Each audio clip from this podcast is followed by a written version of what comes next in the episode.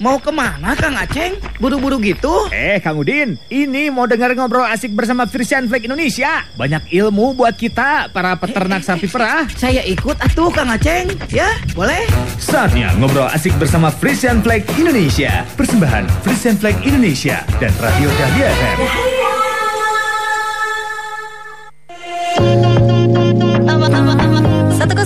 101,5 Dahlia FM Bandung Goyang Sik Asik. Assalamualaikum wargi Dahlia. Assalamualaikum para peternak Apa kabarnya hari ini ya? Di tanggal 19 Juni 2020 Di hari Jumat malam seperti biasa Ketemu lagi sama Baby Alia ya. Baby Alia pasti bakalan nemenin wargi Dahlia Kurang lebih selama satu jam ke depan Di Radio Bewara Fashion Flag Indonesia ya. Jadi selamat malam nih buat kawan peternak yang masih di rumah aja Lagi pantengin Radio Bewaranya Udah siap-siap mendapatkan informasi dan juga ilmu yang bermanfaat untuk malam ini ya di Radio Buara dan mudah-mudahan para peternak kita semuanya di Lembang maupun di Pangalengan ataupun yang ada di Jawa Timur yang lagi live lihat live-nya Instagram Radio Dahlia di 101,5 Dahlia FM juga selamat malam ya. Mudah-mudahan semuanya pada sehat juga dan produksi susu sapinya semakin berlimpah dan juga para peternaknya semakin sejahtera. Amin ya. Makanya kalau misalkan pengen produksi susu sapinya semakin berlimpah dan juga para peternak sejahtera, jangan lupa pantengin Radio Bawara Frisian Flag Indonesia. Karena program Radio Bawara ini adalah salah satu program ya pengembangan peternak sapi perah Frisian Flag Indonesia. Program ini membantu setiap peternak untuk memperoleh pengetahuan, terus juga mendapatkan pendidikan dan juga bantuan informasi warga Dahlia. Karena supaya susu yang dihasilkan ternaknya itu bisa lebih banyak dan juga berkualitas baik ya. Karena harus ingat susu berkualitas berarti peternak dan juga keluarganya sejahtera semuanya ya. Dan gak sendirian Baby Alia seperti biasa di Jumat malamnya selalu ada yang menemani narasumber-narasumber yang kompeten pada bidang ini wargi Dahlia ya. Seperti biasa karena sekarang masih dalam masa pandemi, kita ngobrol-ngobrolnya masih lewat telepon wargi Dahlia, tapi nggak akan mengurangi segala informasi yang bermanfaat untuk kawan peternak semuanya ya. Jangan lupa yang punya pertanyaan seputar peternakan dan tema kita malam ini, Baby Alia kasih tahu dulu nih, tema temanya adalah kebijakan pemerintah sebagai bentuk dukungan terhadap upaya pembibitan sapi perah di Indonesia. Jadi kawan peternak yang punya pertanyaan silahkan kirimkan di WhatsApp di 085521111015 sekali lagi di 085521111015 ya. Di telepon di saluran telepon ini kita sudah terhubung seperti biasa di hari Jumat malam selalu ada dan ketemu lagi barengan sama Pak Evi Lutfila selaku Fresh Mill Relationship Manager PT Frisian Flag Indonesia. Wilujeng wangi Pak Evi. Assalamualaikum, Wilujeng Wangi Oge Sadayana. Waalaikumsalam, apa kabar Pak Evi? Alhamdulillah. Sehat ya Pak ya? Alhamdulillah sehat. Alhamdulillah sehat ya.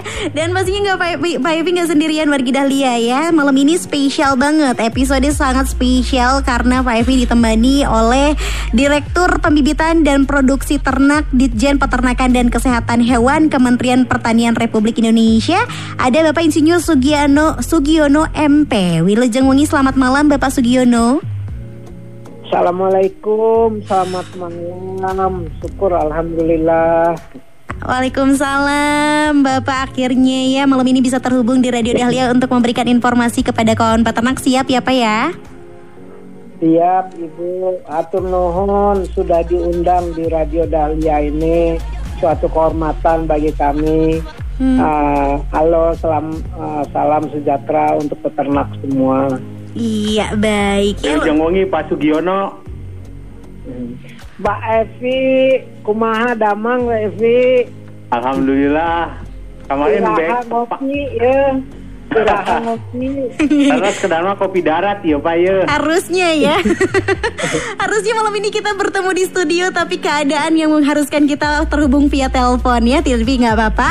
Pak Epi dan juga Pak Sugiono siap memberikan informasi yang sangat bermanfaat malam ini mengenai kebijakan pemerintah sebagai bentuk dukungan terhadap upaya pembibitan sapi perah Indonesia. Pak Sugiono langsung aja nih ya untuk tema kita malam ini boleh dikasih tahu kawan peternak semuanya sebetulnya apa saja sih kebijakan dari pemerintah dalam hal ini ya dari Kementerian Pertanian ya kebijakan yang sudah dikeluarkan berkaitan dengan pembibitan sapi perah. Boleh silakan dipaparkan Bapak Mangga? Oke, Mangga Ibu, terima kasih. Jadi kebijakan pemerintah dalam upaya pembibitan sapi perah Uh, satu ada uh, keputusan Menteri Pertanian nomor 422 garis miring KPPS garis miring OT titik 210 garis miring 7 tahun 2001 tentang pedoman budidaya ternak sapi yang baik atau good farming practice.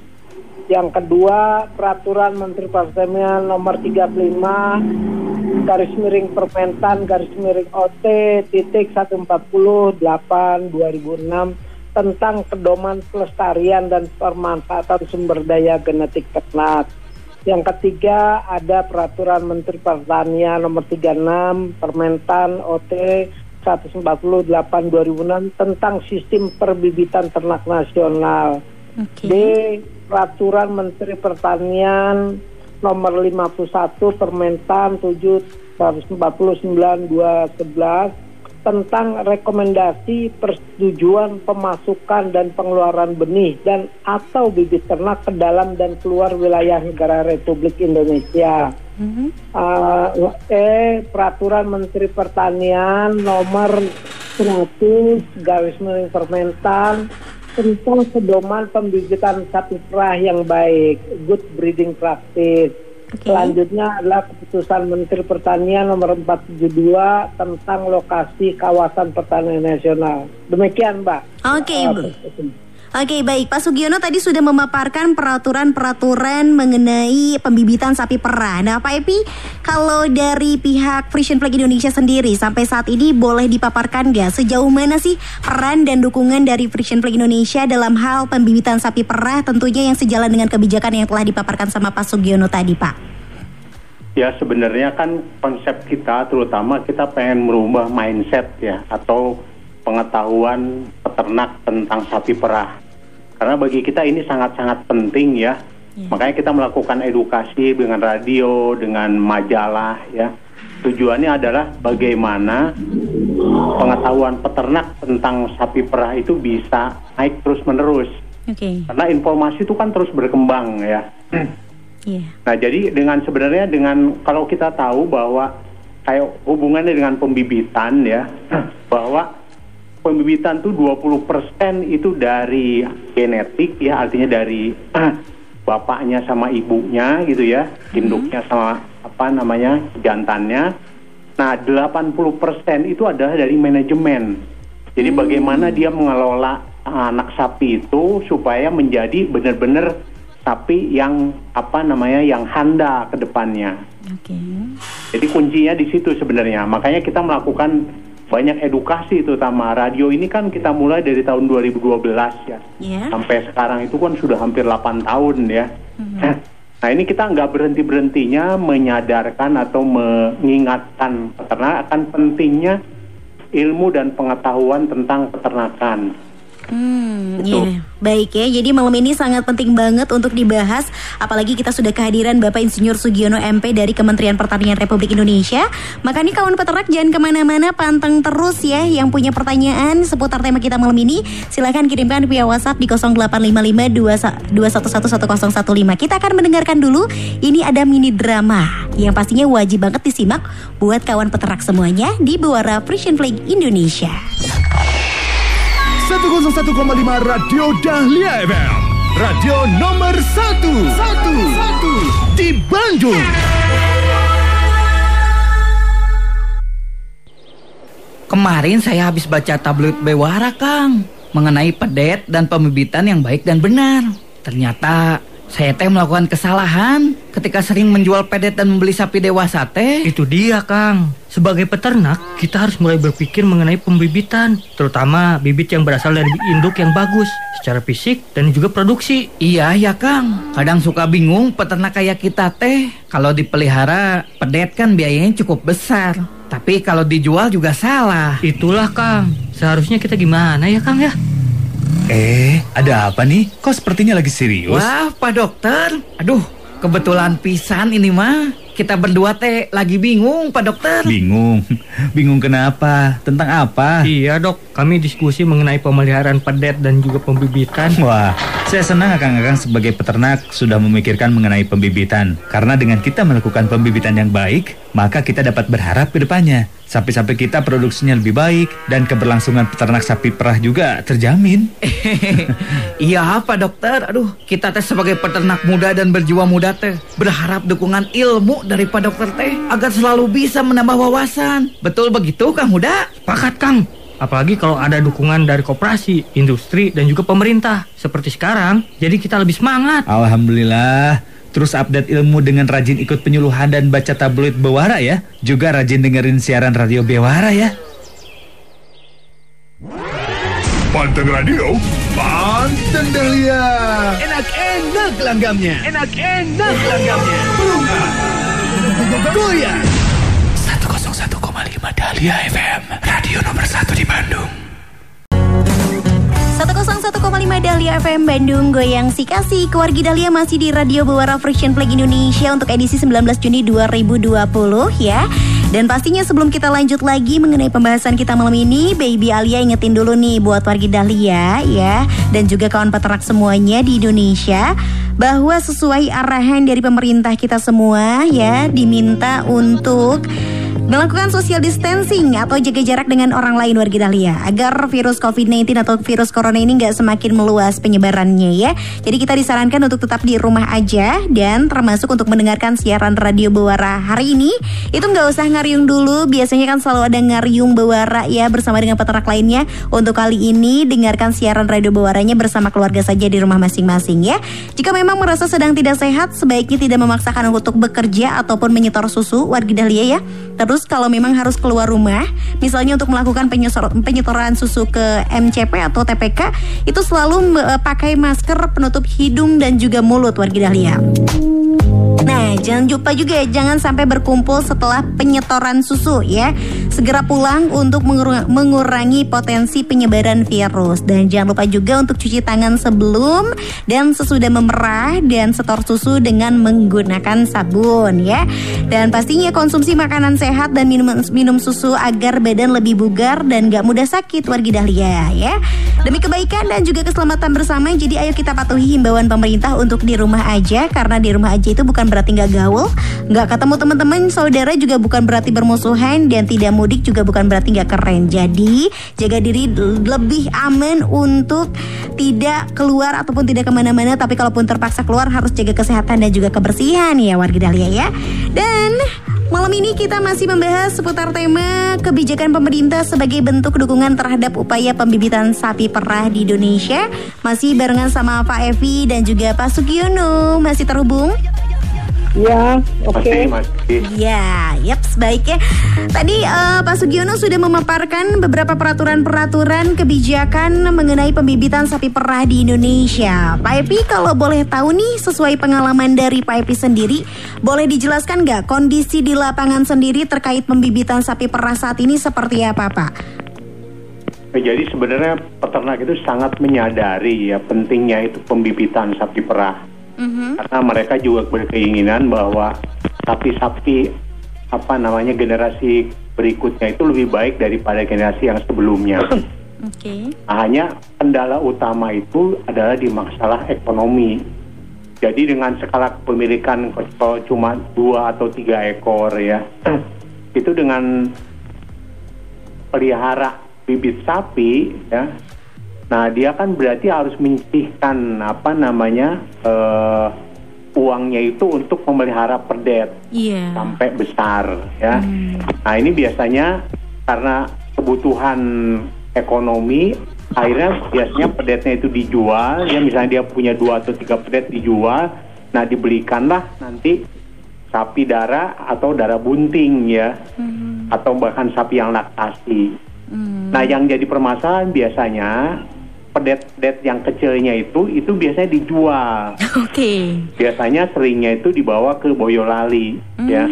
Nah di Boyolali itu rata-rata itu sebenarnya bukan peternak sapi perah banyaknya tapi sapi pedaging. Hmm. Jadi dia diperlakukan sebagai sapi pedaging. Oh iya iya. Nah sehingga pada saat misalnya nanti apa namanya sudah bunting ya, nah biasanya juga apa namanya besarnya ataupun ukurannya tidak sesuai dengan yang diharapkan ya tapi karena peternak juga butuh ya dia udah bunting harganya juga mungkin relatif apa namanya lebih murah Mhm. akhirnya dibelilah sama peternak ah, sapi perah Oh. nah sehingga produktivitasnya itu tidak lebih baik dari induknya biasanya Hmm. jadi induknya kayak Lembang, Pangalengan ya rasanya 15 ya. Mhm. Nah begitu sapinya dijual ke sana paling ke sini cuma 13, cuma 12.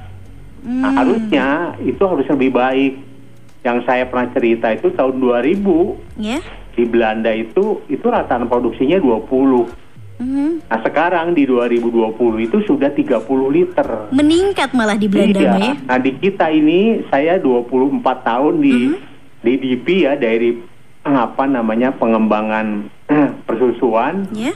itu ya produksinya ya segitu-segitu aja gitu. Tidak ada peningkatan ya, Pak ya? Iya. Hmm, oke. Dan juga yang kasihan itu kan gini sebenarnya kayak pemerintah mungkin Pak Sugiono dulu pernah apa namanya eh, pernah jadi direktur di Batu Raden yang menyediakan bibit-bibit ya. Ya. Nah bibitnya bagus, tapi begitu dikasihkan ke peternak ya, ya karena pemeliharaannya seperti itu, Mhm. ya akhirnya harusnya bibitnya yang harusnya keluar produksinya misalnya sampai 20 ya, itu tidak terjadi karena pemeliharaannya itu apa namanya tidak baik. Hmm, oke baik ya. Berarti sebetulnya para peternak kita sudah bi- bisa memandang pentingnya pembibitan sapi perah terhadap perkembangan kemajuan usaha mereka tuh sebetulnya mereka sudah tak sadar akan hal itu ya Pak ya? Ya, Hmm, oke baik ya. Pak Sugiono, Ya, iya. Pak Sugiono kalau boleh tahu nih kalau untuk menurut data yang dimiliki oleh pemerintah, sebetulnya kondisi persoalan pembibitan ini seperti apa Pak? Terutama untuk sapi perah, misalkan apakah tingkat kelahiran pedet betina itu selaras dengan pertumbuhan populasi induk yang produktif Pak? oke. Baik jadi gini, seperti tadi disampaikan oleh Pak Evi, Sapi peternakan kita kan masih didominasi oleh rakyat dengan skala pemilikan kecil ya. Nah, jadi eh, peternak itu eh, enggan untuk melakukan rearing karena tidak mengenal. Rearing itu adalah pembesaran sapi Eh, mulai dari pedet sampai dia darah eh, siap kawin. Nah, nah ini ini sangat menentukan bagaimana pemeliharaan yang baik oleh peternak gitu. Karena itu eh, hampir rata-rata secara genetik sapi yang ada di Indonesia itu dari genetik bagus. Tapi karena masa pemeliharaannya pada saat rearing kurang bagus sehingga tidak bisa optimal. Hmm. Ah, dan kemampuan produksi bisa sutra itu masih di- eh, masih eh, masih sulit lah. Jadi eh, yang eh, bibitnya secara ge- genetik itu bagus. Kita punya balai inseminasi buatan Lembang, punya ba- balai besar inseminasi eh, Singosari, ada balai embrio ternak Cipelang itu menghasilkan eh, benih-benih bagus. Cuma begitu dia bisa dikawinkan, brojol lahir, pedetnya langsung dijual. Iya. Nah, setelah dijual, dibesarkan oleh tadi Pak Evi bilang dibawa kirim ke Boyolali. Itu muter itu. Iya, Boyolali, Malang itu semua. Nah, itu banyak sekali sapi-sapi keluar dari eh, Jawa Barat, Lembang, Pengalengan. Itu eh, ba- eh, banyak keluar dari sana dipelihara dengan eh, minimal bukan sapi perah. Hmm. Karena untuk sapi perah itu harus pengawalan yang bagus. Berapa harus diberikan susu per hari sampai Iya. dia lepas sapi dan lain sebagainya. Begitu Mbak. Oke baik ya kita ke pertanyaan dari Wargi Dahlia dan juga kawan kawan peternak semua yang sudah masuk via WhatsApp di 085521111015. Ini ada Kang Ridwan dari TPK Pasir Halang KPSBU Lembang katanya. Sebetulnya pengen memelihara pedet ataupun bibit sampai menjadi eh, sapi yang unggul. Tapi gimana nih supaya caranya peternak sapi perah skala kecil supaya bisa eh, mengurus pedet itu terutama yang tidak mempunyai lahan rumput katanya. Sedangkan sapi kan pakan utamanya adalah rumput. Apakah ada dari program pemerintah yang eh, memfasilita- memfasilitasi peternakan sapi perah skala kecil katanya? Pak Sugiono mungkin yang mau menjawab terlebih dahulu? Ah, pemerintah itu kita punya ah, balai pembibitan. Mhm. Ada dia untuk sapi perah ada BPT UAPT Batu Raden. Nah di situ untuk eh, pembelian bibit, dan uh, pelatihan seperti apa itu bisa kita lakukan di situ, Mbak. Oke baik ya. Terus ada dari siapa nih? Uh, Assalamualaikum Waalaikumsalam dari Tosiwan KLP 3 Citere. Bagaimana cara mengakses untuk mendapatkan informasi dan bantuan dari pemerintah khususnya dari Kementerian Koperasi dan Kementerian Peternakan sebagai bentuk perlindungan para peternak kecil katanya. Info-infonya bisa didapatkan di mana, Pak? Pas, Halo, Mbak. Iya, Pak Sugiono. Uh, kalau di Kementerian Pertanian ada uh, pertanian Go ID ya Mbak ya bisa di situ. Kalau Kementerian Koperasi saya uh, kurang paham. Oke. Okay. Oke baik baik siap. Nah untuk selanjutnya ada Kurniawan dari TPK Cilumber. Uh, katanya Pak apakah berpengaruh kepada produksi anakan per, uh, pertama dibuat bibit? Oke Pak apakah ada pengaruhnya pada produksi anakan pertama yang dibuat bibit Pak Evi? Bisa memahami untuk pertanyaan dari Kang Kurniawan? Gimana gimana? Apakah ada pengaruhnya pada produksian anak pertama, anakan pertama yang dibuat menjadi bibit katanya? Nah, sebenarnya kalau misalnya kalau kita ngomong di negara-negara maju ya, itu yang namanya uji duriat itu ya, itu kan jelas dia di apa namanya dikawinkan itu sama uh, darah darah yang belum kawin ya. Uh -huh. Jadi darah, nah nanti dilihat anaknya itu seperti apa. Okay. Jadi memang dari pertama saja sudah sebenarnya bisa di, uh, di, di dihasilkan gitu. Udah hmm. ada hasilnya, udah kelihatan ya. Tapi memang kalau misalnya kita ngomong kayak misalnya di Indonesia ya, kalau kita mau kawinkan dengan uh, straw atau semen beku dari negara-negara kayak Eropa ya itu tidak disarankan untuk darah-darah pertama ya jadi lahiran pertama karena biasanya dia masih kecil tapi itu biasanya diterapkan di darah apa namanya laktasi yang sudah kedua atau ketiga karena dia udah sempurna secara ininya secara hmm. apa namanya secara body badan dan sebagainya sehingga hmm. kalau misalnya anaknya itu lebih besar itu tidak masalah oh. cuma biasanya yang namanya apa pemeriksaan uh, dari straw atau semen beku ya atau sperma ya itu itu biasanya dikawinkan pada darah-darah karena di situ yang penting adalah bagaimana dia mudah untuk melahirkannya. Okay. Karena salah satu komponen nanti di pembibitan itu bahwa anaknya itu pada saat dikeluar apa namanya pada saat dilahirkannya itu mudah sehingga hmm. juga nanti berpengaruh sama kesehatan induknya gitu. Oh, oke okay, oke okay, baik ya. Kita ke pertanyaan berikutnya. Assalamualaikum, waalaikumsalam. Saya Hermawan Susanto dari TPK Cilumber. Katanya mau tanya nih, saat ini saya tuh kesulit, kesulitan untuk mempertahankan pedet betina untuk dibesarkan untuk dijadikan bibit sebagai pengganti laktasi tua. Namun kondisi kandang ini sudah terlalu penuh dan padat sehingga dengan sangat terpaksa ya saya harus jual, Pak. Katanya ada solusi nggak yang mungkin bisa dibagi untuk uh, para peternak yang mengalami hal seperti saya katanya dari Kang Suswanto. Silahkan Pak Epi mungkin terlebih dahulu.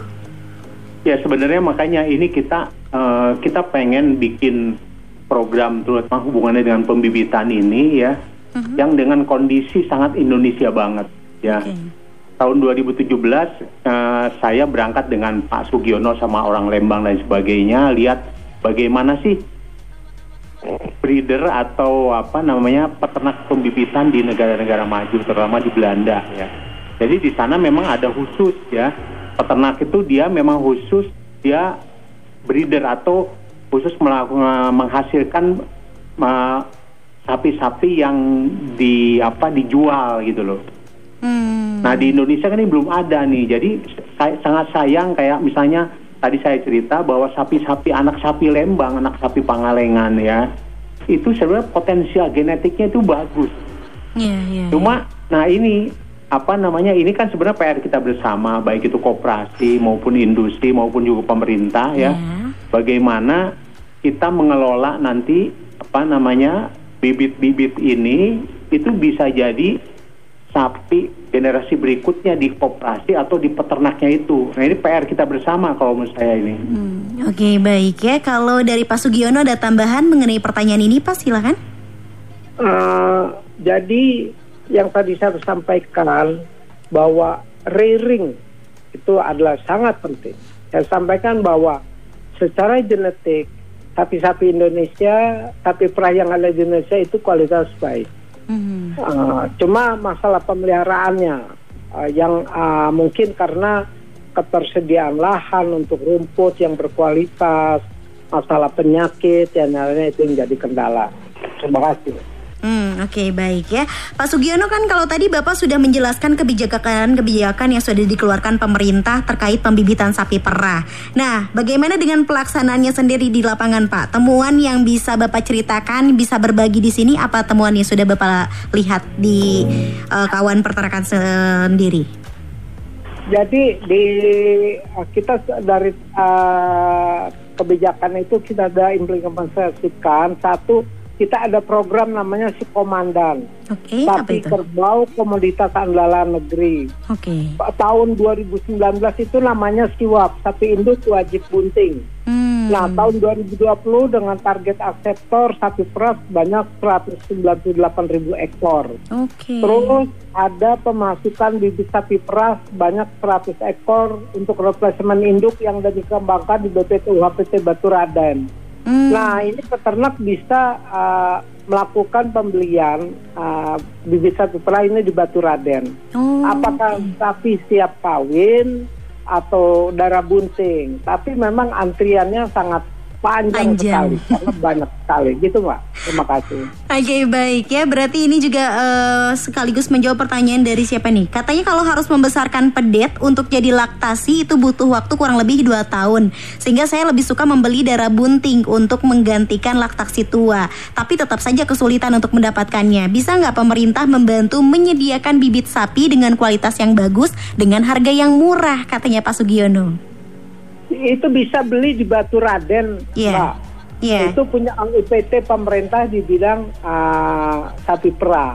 Mm-hmm. Nah itu bisa beli di sana karena di sana itu punya rearing unit.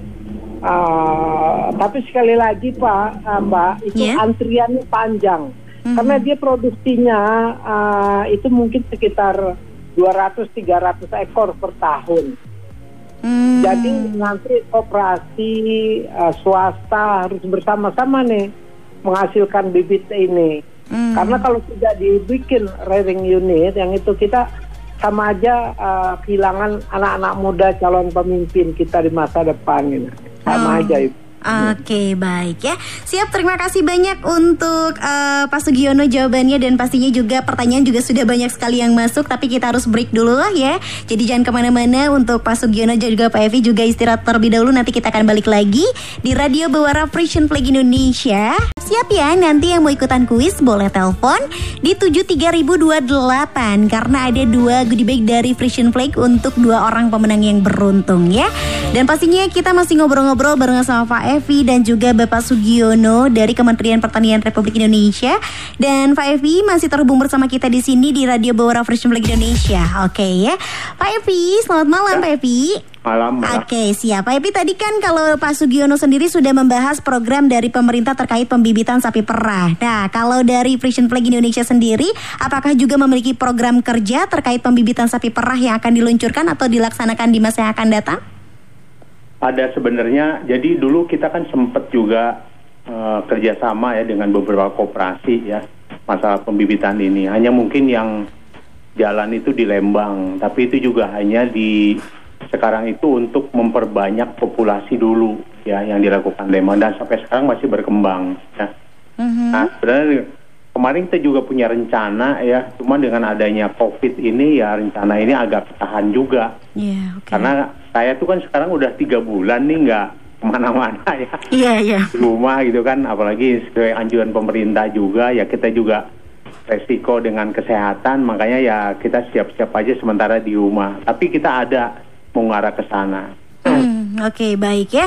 Sip uh, pastinya juga buat yang mau ikutan quiz Boleh di 73028 Pertanyaannya berkaitan dengan apa yang dijelaskan oleh Pak Evi barusan. Jangan lupa kalau Baby Alia bilang Radio Bora Fresh Flag Indonesia Jawabnya asik atau ya. Ada siapa coba di teleponnya? Di 73028 Halo Radio Bora Fresh Flag Indonesia. Asik atuh. Oke okay, sama siapa di mana Baby? Sama Ian Asamanik teh. Oke, Ian di Arca Manik pertanyaannya gampang sekali. Sebutkan salah satu program yang telah dilakukan oleh Frisian Flag Indonesia terkait pembibitan sapi perah. Tadi di awal juga sudah dipaparkan, barusan diperjelas lagi. Apa jawabannya? Silakan. Ada klunya nggak teh?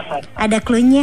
Sebut eh, pertanyaannya perhatikan baik-baik ya. Sebutkan salah satu program yang telah dilakukan oleh Frisian Flag Indonesia terkait pembibitan sapi perah. Pak Epi boleh kasih pilihan dua pilihan A. Pak Epi? Ya, ya. Boleh dikasih pilihan untuk eh, kawan peternak yang sedang mendengarkan ataupun warga Dahlia yang sedang nelpon ini dari pertanyaan barusan. Sebutkan salah satu program yang telah dilakukan oleh Frisian Flag Indonesia terkait pembibitan sapi perah. Pilihannya dua, Pak Epi apa saja boleh dikasih pilihan A? A. Edukasi. B? Ya. Dua. eh, simulasi. Oke, A edukasi, B simulasi atau C susu basi. Yang A. A edukasi yakin? Ya. Yakin Pak Epi gimana jawabannya? Ya, benar. Benar, baik. Selamat ya Kang Ian ya. Terima kasih dari BA ya. Iya, seneng banget. Goya. Oke baik terima kasih banyak Kang Ian Selanjutnya di belakang Kang Ian Boga masih boleh ya Ada siapa coba di 73028 ya Halo Buara Operation Flag Indonesia Asik atuh. Prung A Ah, gogo-gogo ya. Aduh aduh aduh sama siapa di mana ini Sama Nelis di Sukaleur. Oke Teh Nelis pertanyaannya masih sama Tapi nggak akan dikasih pilihan A, B, C, D Karena tadi udah ada jawabannya Sebutkan salah satu program yang telah dilakukan oleh Frisian Flag Indonesia Terkait pembibitan sapi perah Edukasi. Edukasi yang seperti apa coba? Cena baby Alia. Oke, Eh, indukan pedet. Indukan pedet baik. Terima kasih banyak ya Teh ya. Pak Epi udah ya kita kasih hadiahnya saja ya sama Teteh ya. Oke, Makasih. makasih banyak Pateng Radio. Panteng Dahlia enak-enak namanya prung ah gogo-gogo ya. Oke baik, siap teleponnya sudah ya dan pastinya untuk malam ini pembahasannya sangat menarik sekali dan pertanyaan juga sudah banyak banget yang masuk. Tapi sayangnya waktu terbatas jadi kita masih akan membahas beberapa pertanyaan yang akan saya sampaikan juga sama Pak Epi dan juga Pak Sugi Sugiono ya. Pak Epi kalau misalkan dari Pak Epi sendiri nih ya melihat sekarang eh, program pemerintah sebetulnya sudah mulai dijalankan dari Frisian Flag Indonesia sendiri pun sudah mulai dijalankan. Antusias dari para peternak sendiri untuk melakukan pembibitan ini seperti apa Pak sampai di tahun 2020 ini Pak? Ah, sebenarnya kalau saya lihat ada inisiatif dari satu koperasi kalau nggak salah Lembang ya. Mhm. Jadi dia memaksakan. Jadi peternak-peternak yang punya kalau nggak salah di atas 4 atau 5 ekor ya, itu harus menahan satu anaknya dan dirawat secara benar. Mhm. Ya, karena dengan seperti itu kalau misalnya mereka punya lima ya, satu anaknya terutama dari sapi terbaiknya itu ditahan, lalu mereka di, di- apa namanya dibibitkan dengan baik, nah itu kan akan lebih baik dari induknya. Jadi Iya. kalau misalnya rataan misalnya produksinya 15, itu diharapkan nanti naik 17. Yang 17 diharapkan naik jadi 20. Nah, dengan seperti itu apa namanya juga sapi-sapi yang anak-anak sapi yang baik-baik itu tidak keluar dari koperasinya. Hmm. Nah, jadi saya juga berharap bahwa koperasi lain juga perlu mempunyai inisiatif yang sama. Karena kalau tadi kayak uh, Pak uh, kata Pak Sugiono itu kan hanya di Batu Lada itu hanya sedikit, sementara peternak sapi perah di Indonesia ada 120 ribu, ya. Mhm. Dan kalau kita lihat populasi sapi perah itu sekitar 500 ribu. Wow. Nah bayangkan kalau 500 ribu ya, dia misalnya beranak semuanya, lalu anaknya itu setengahnya itu betina, berarti ada per tahun tuh ada sekitar 250 ribu. Hmm, iya, iya. Nah harusnya kalau misalnya itu ditahan ya, mungkin Indonesia cepat banget bisa naiknya. Hmm, iya. Tapi memang tadi kendala tadi misalnya masalah rumput dan sebagainya ya.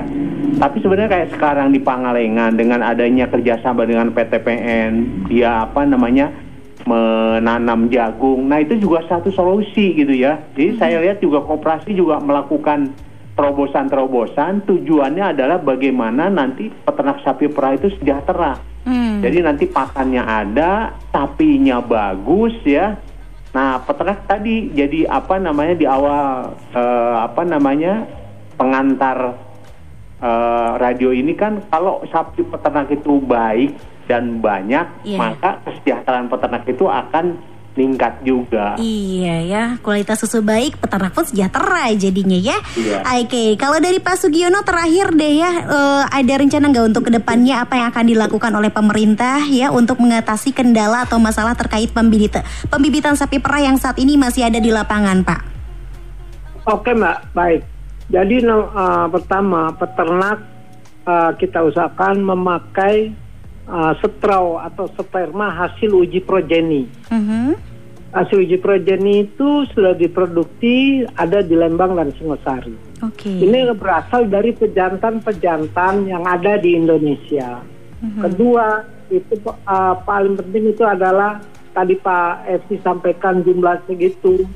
Itu luar biasa sekali. Harus ada uh, sesama peternak membuat rearing unit. Karena inilah masa depan kita.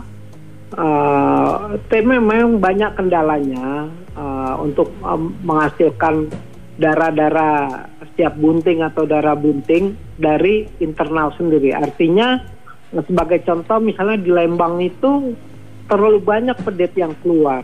Nah, masalah di Lembang itu adalah uh, lahan rumput dan lain sebagainya. Iya. Tapi bahwa daerah sapi perah itu mempunyai SDM yang luar biasa. Saya pernah menjadi uh, bekerja di luar uh, daerah Jawa. Iya. Itu sulit SDM-nya, sangat sulit. Kenapa? Untuk budidaya sapi perah ini uh, harus diperlukan SDM yang SDM yang tangguh. Bangun jam 3 pagi, bekerja langsung terus, nanti pola hidupnya uh, berubah dengan pola pemberian sapi potong. Oke. Nah, seperti itu, Mbak. Oke baik ya. Kalau dari Pak Evi sendiri terakhir apa yang mau disampaikan kesimpulan dari pembicaraan kita malam ini Pak? Silakan. Nah, saya pesan apa namanya? Silahkan peternak-peternak itu juga na- nahan sapi perahnya, ya anaknya, terutama dari bibit-bibit yang baik. Harus maksakan kalau menurut saya. Kalau enggak nanti soalnya dia nggak akan lebih apa namanya? Ya produksi sapinya ya seperti seperti itu tuh aja terus menerus. Dan kan masalahnya juga kalau beli sapi yang laktas yang produksinya tinggi, itu harganya juga mahal gitu Iya ya. ya. Dan tadi saya bilang bahwa dari pertama itu bahwa sapi itu dari genetiknya itu cuma 20 persen. 80 persennya itu adalah dari pemeliharaan. Hmm. Jadi tolong pelihara anak sapi itu dengan benar ya. Hmm. Sehingga dia menghasilkan lebih baik dari induknya. Hmm, Oke, baik ya dengan merawat eh, pembibitan sapi ataupun melakukan pembibitan sapi dengan benar itu pun merupakan investasi untuk peternak semuanya di masa yang akan datang bisa lebih sejahtera ya Pak ya.